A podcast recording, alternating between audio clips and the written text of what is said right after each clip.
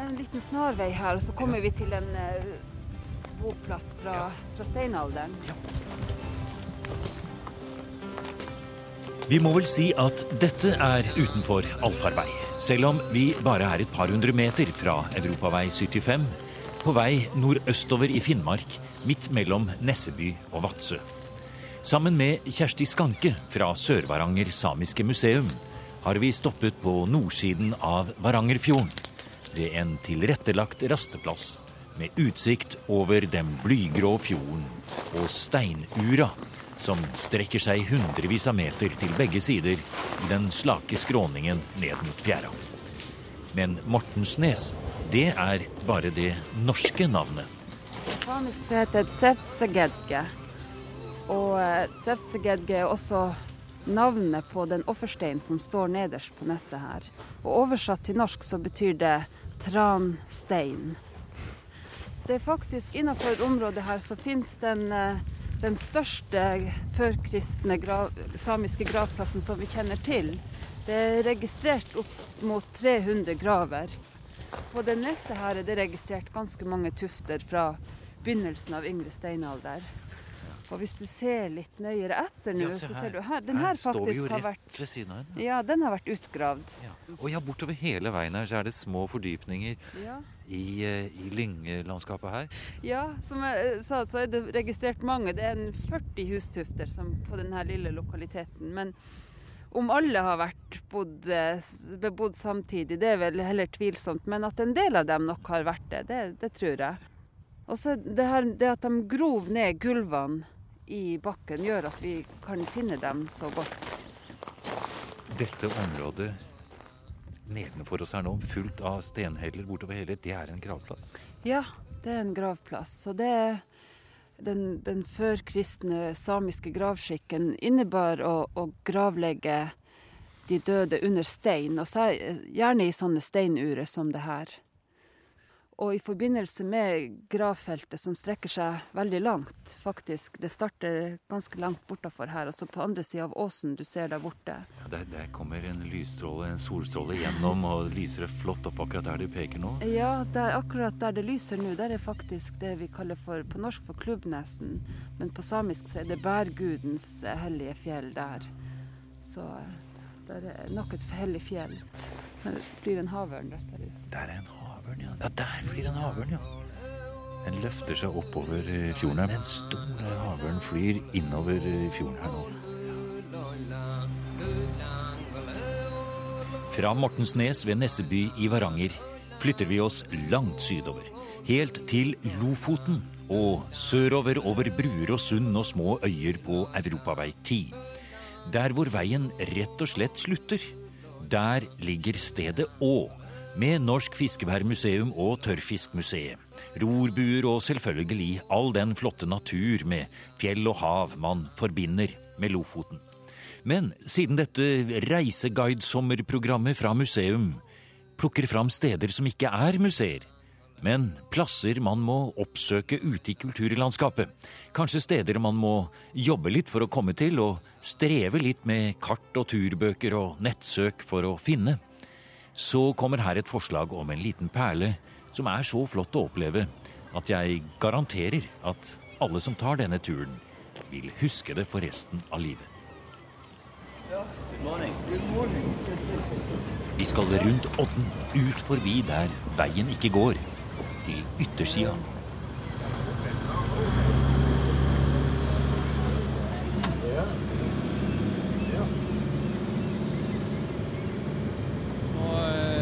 runder vi en sånn uh, odde her og ser inn i Refsvika. Og nå kommer uh, snart uh, Refsvikhula eller Kollhelleren til å dukke opp. Vi kommer oss greit i land i fjæra. Det er ingen brygge, men vinden er rolig og været godt.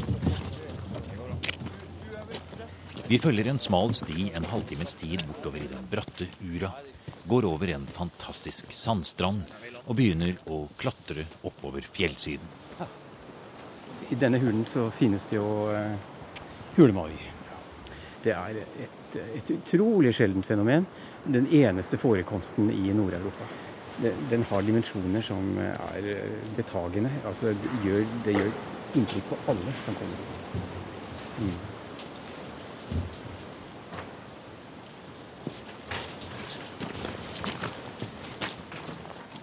Allerede rett inne i det første ja. halvmørket vi kommer inn i, ja. så kommer figurene frem fra fjellet her. Det kan være at de rett og slett forestiller et ritual. Det, det er ikke umulig.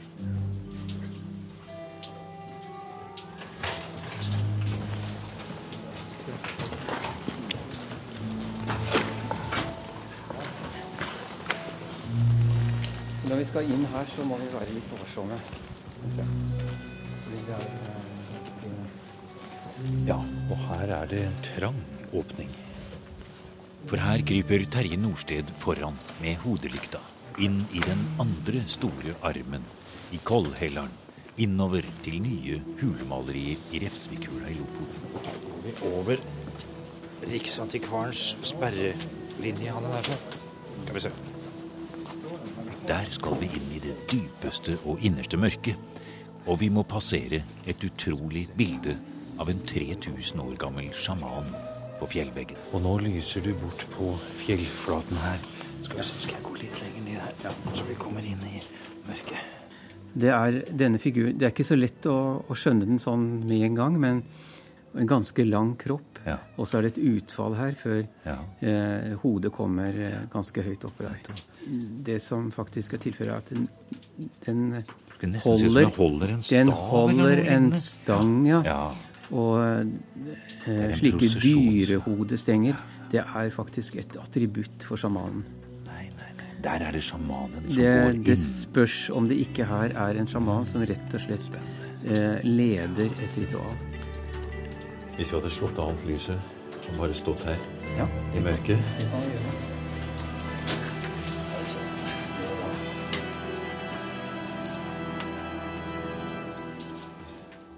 Ja, det er jo nesten ille å stoppe akkurat her. Men i dette programmet, som altså er museums lille forslag til hvor man kan reise hvis man er ute etter noen helt spesielle reisemål med historisk sus, utenfor allfarvei, så må vi videre. Vi skal både til Sverige, Danmark, Tyskland og kanskje Skottland og Orknøyene hvis vi får tid. Ja, Det er litt vanskelig å gå her. Ja, vi må klatre litt her. Men her Vi står under en, et fremspring i, i, i fjellet her nærmest nå. Ja, det er som en liten eh, heller over denne lokaliteten her. Og det er vel det eneste ved denne lokaliteten her som minner om de andre plassene i landet vi finner hellemalinga. Mm. For de ligger jo oftest inni hullet.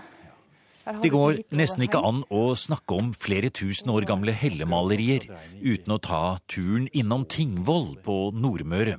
Helt ut mot Tingvollfjorden, omtrent midtveis mellom Kristiansund og Sunndalsøra ligger en severdighet som er ganske vanskelig å finne.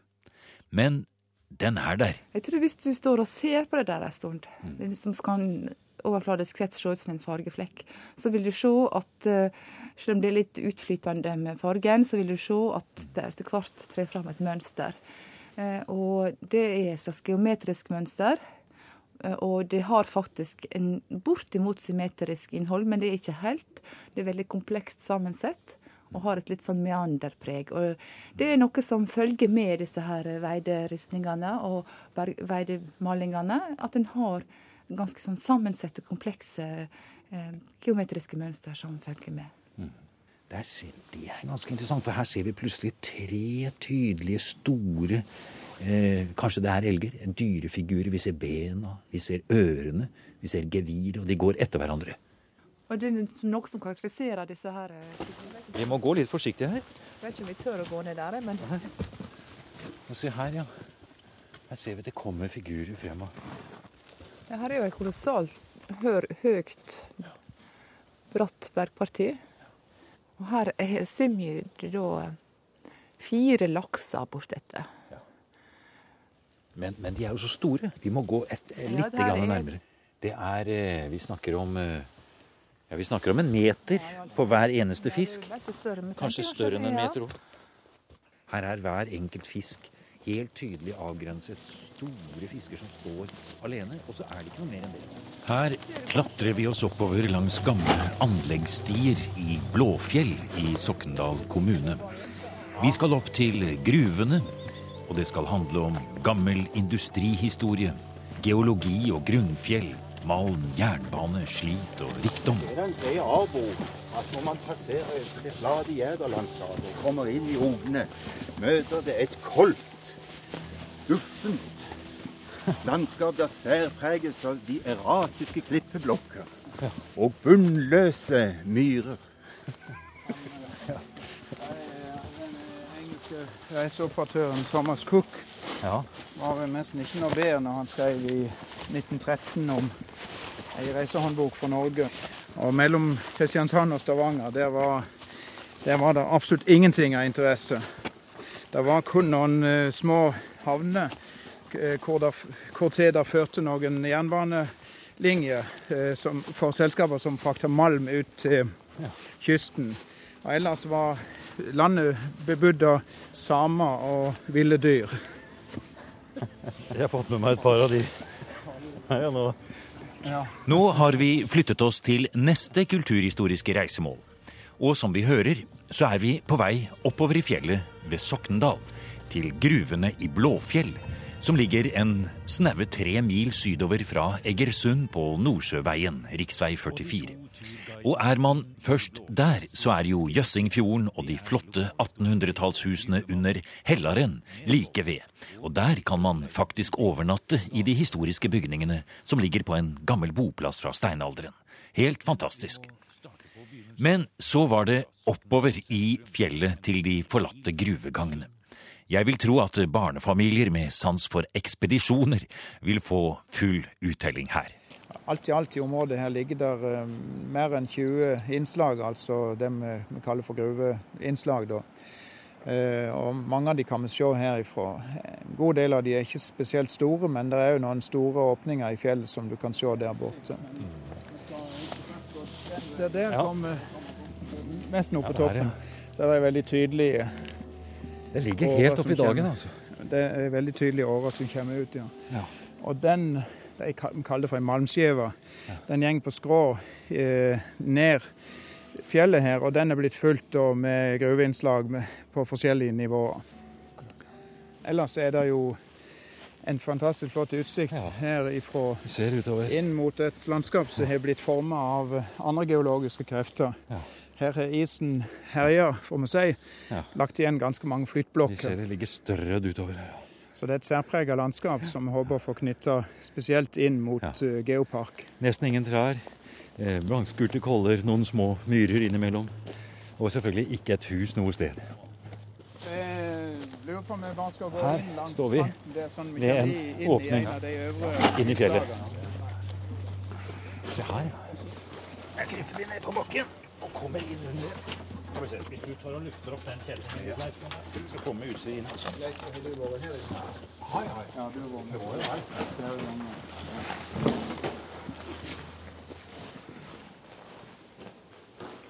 Her forlater vi Leif Dybing fra Dalane Folkemuseum og Finn Nesvold fra Titania, mens vi kryper inn i de 130 år gamle gruvegangene i Blåfjell. Og fra industrihistorie og starten på ilmenitt-eventyret bare legger vi i vei mot kontinentet. Og siden vi er på industrihistorie, så er det en opplevelse helt utenom det vanlige å stoppe på E6-en på vei mot Øresund, like nord for Malmö, og svinge inn på det nedlagte atomkraftverket i Barsebekk. Så här har jag testpreparat som jeg kollar den ungefär. Her er det nemlig mulig å komme inn på omvisning i verdens største teknisk-industrielle kulturminne. Når man river et kjernekraftverk vi kan jo ikke begynne å rive her før 2020 ungefär. Mer än 95 procent av anläggningen blir ju konventionellt avfall som går att återvinna som metall, betong, plast, olika saker så. Det är ju bara en liten del som är radioaktiv och måste gå till ett särskilt förvar för detta. Och det finns inte byggt idag utan det finns färdigt ungefär 2020 och först då kan vi börja riva här. Men då kliver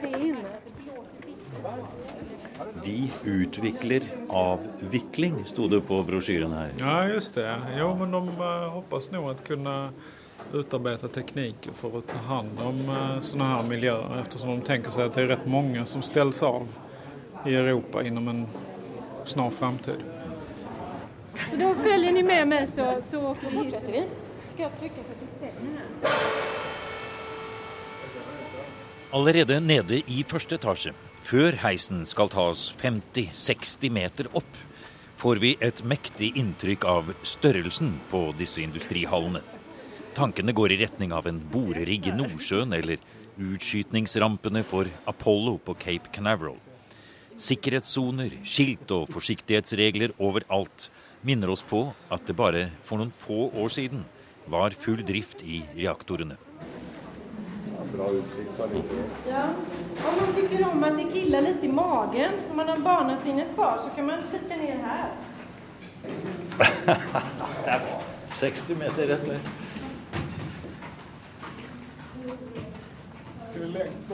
Oi, se her. Er.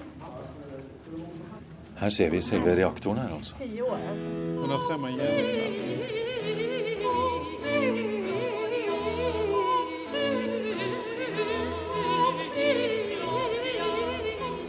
Fra passe små doser av livsfarlig stråling i Barsebekk nedlagte atomkraftverk flytter museums reiseguide til rare steder seg over Øresundbroen et par-tre hundre år tilbake i tid og inn i kongens by. Kanskje var København mer kosmopolitisk den gangen enn i dag. I dag er jo København en veldig stor hovedstad i et veldig lite land. For 200 år siden så var København en litt mindre hovedstad i et veldig stort land. Faktisk et land, et monarki som besto av mange folkegrupper. Det var norsker, det var dansker, det var slesvigere, det var holsteinere, færinger, islendinger, grønlendere. Faktisk til Vest-India og til India og til vestkysten av Afrika nådde dette monarkiet. Det altså kanskje et langt mer sammensatt bilde enn du opplever i dag, da København er så veldig dansk. Og som et eksempel på den tiden da København også var vår hovedstad, og porten inn til den siviliserte verden for nordmenn som ville gjøre karriere innenfor handel, vitenskap og politikk, tar Øystein Ekkerhold oss med ut til bydelen Nørrebro. Langs en av de mest trafikkerte gatene ligger en liten oase av en kulturhistorisk park, hvor man bokstavelig talt kan spasere seg gjennom den norsk-danske historien ved å lese epitafene på de mange gravene. Vi er på Assistenskirkegården. Ingen av de riktig fornemme hadde lyst til å bli begravet så langt ifra byen. Eh, Så det var helst de fattige som benytta anledninga. Men så var det da et par ildsjeler som da bestemte at de ville bli begravd her. Og da brøt de på en måte det sosiale stigmaet det var. Og så, omkring 1780, så ble altså assistenskirkegården virkelig det mondene plassen å bli begravd i København. Slik at hele den danske eliten fra slutten av 1700 og langt inn på 1800-tallet ligger begravd her. Vi går altså blant 1600- og 1700-talls intelligensiaen i Danmark-Norge. De ligger under føttene våre her, alle sammen her nå. Det er en, også et fantastisk parkanlegg, dette her. Ja, det er jo like mye park som gravplasser. Det er jo veldig typisk for denne perioden på slutten av eh, 1700-tallet og inn på 1800-tallet at det, man snakker om dødens hage. At de, de døde skulle ikke bare bli, bli begravd, men de skulle ligge i harmoniske omgivelser der de etterlevende skulle gå og kunne minnes de døde. Vi tar med oss musikken fra Christian 4.s slott på Rosenborg og setter kursen mot Tyskland. Men istedenfor å ta den nye Storebeltbroen, kan det være en god idé å snegle seg over Sjælland via Vikingskipsmuseet i Roskilde og ta fergen Korsør Nyborg og videre over Fyn og Lillebelt til Als, hvor augustenborgerne og 1814-helten Christian August hadde sitt barndomshjem. Slottet ble gjort om til sinnssykeasyl etter de forsmedelige krigene mellom Danmark og Tyskland midt på 1800-tallet. Og veien videre går nettopp forbi danskenes mest følsomme sted, Dubbel Mølle, hvor Danmark og Nordens historie fikk en alvorlig knekk med det berømte slaget i 1864, da prøysserne slukte halve Danmark og det som var igjen av danskenes stormaktshistorie. Skal bli stående, man skal forsvare dybestillingen, koste hva det koste vil. Dette var jo det store nederlaget i dansk historie. Og mange hadde på forhånd trodd at en sterk allianse mellom de skandinaviske landene ville forhindret denne katastrofen. Og dermed så ble hele denne eh, skandinaviske drømmen om en felles nordisk stat eller en felles nordisk enhet hvor de nordiske eh, soldatene nærmest kjempet for hverandre, den, den falt jo definitivt sammen.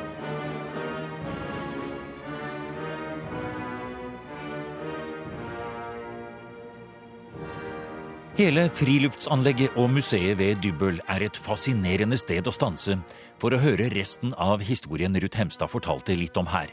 Og kanskje, hvis det er plass for enda mer dansk-norsk kongehistorie i bilen, ligger slottet i Glücksburg like over grensen. Det er arnestedet til huset Slesvig-Holstein og startpunktet for en av grenene som det norske kongehus sitter på den dag i dag. Men skal vi komme oss helt til Yorkshire i museums reiseguide må vi raske på gjennom Nord-Tyskland, selv om vi gjerne vil finne småveiene over Kielerkanalen og følge i fotsporene til de heltemodige styrkene som kjempet mot Karl Johan i Holstein i desember 1813. Og hvis man finner den lille landsbyen Seested, får man lønn for strevet.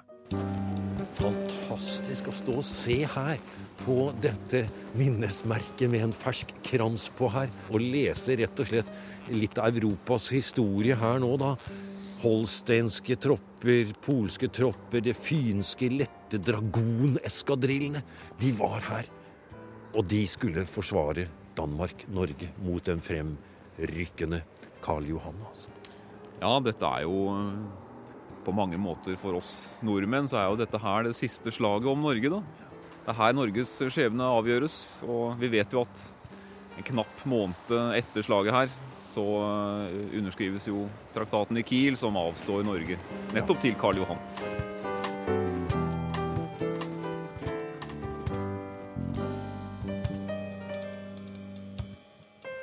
Fra anglernes og saksernes gamle hjemtrakter flytter vi oss raskt over til den anglo-skandinaviske historien. Og da er vi i Nord-England. Men ikke York, som en kyndig historiereiser finner helt av seg selv. Etter en dag eller to der foreslår museums utenfor allfarvei historiereiseturguide at kursen settes mot en liten landsby, fire-fem norske mil lenger vest. En temmelig ukjent, men helt utrolig flott norrøn kulturarv ble funnet under gulvet i kirken her. Her finnes noen stein som kjennes som hogback. Og det er en uh, typisk vikingmonument. Yes, right. Oh, do come in. I'll go and put the alarm off. Vi er i Brompton i nordre Yorkshire for å se på norrøne steinskulpturer. Disse er de, de beste som jeg kjenner. Helt fantastisk. Gravstøtter formet som små vikingehus med en kneblet bjørn ved hvert møne. Det er sterkt, det er kraftig. Maktsymboler. Disse monumenter finnes bare i områder i Storbritannia hvor vikingene uh, har bosatt. Det er lett og morsomt å kjøre bil på de engelske landsbyveiene. Og hvis man f.eks. lander i Newcastle og reiser ned langs kysten og besøker Whitby og Scarborough, for kanskje å kjøre opp på lyngheiene i Yorkshire nasjonalpark, hvor jo også Goatland ligger, kjent som Aidensfield fra TV, så foreslår museum at turen legges om det lille turistkontoret i landsbyen Pickering ved foten av heiene. Der spør man etter et lite hefte, utgitt av det lokale historielaget, med nøyaktige kjøreanvisninger til 20 forskjellige steinkors som har stått høyreiste ute i terrenget i mer enn 1000 år. Det å lete seg fram til disse norrøne historiemarkørene er en opplevelse i seg selv. Noen står rett ved veien, men andre må man ha turstøvler og kart for å finne. God tur og god sommer, sier museum. Her står vi på toppen av eh, en av de store heiene, hedene, The Moors i Yorkshire. Og midt i dette synsfeltet så står et av de mange korsene som befinner seg her inne i dette landskapet. Ja, vi kan si Disse steinkorsene er vitnesbyrd om den langsomme assimileringen til kristendommen som skjedde her blant skandinavene i England, hvor vi på en måte har å gjøre med to slags skandinaver. Vi har skandinaver som assimileres til en kristen kultur, og vi har noen som kommer hit for å drive ran her. Man kunne, man kunne være fristet til å si at uh, det, det som skandinavene gjør når de kommer hit og bosetter seg her, de melder seg inn i Europa.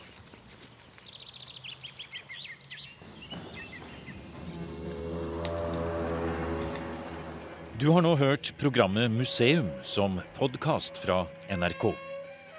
Museum sendes i NRK P2 på lørdager og søndager. Du finner flere programmer på nrk.no podkast.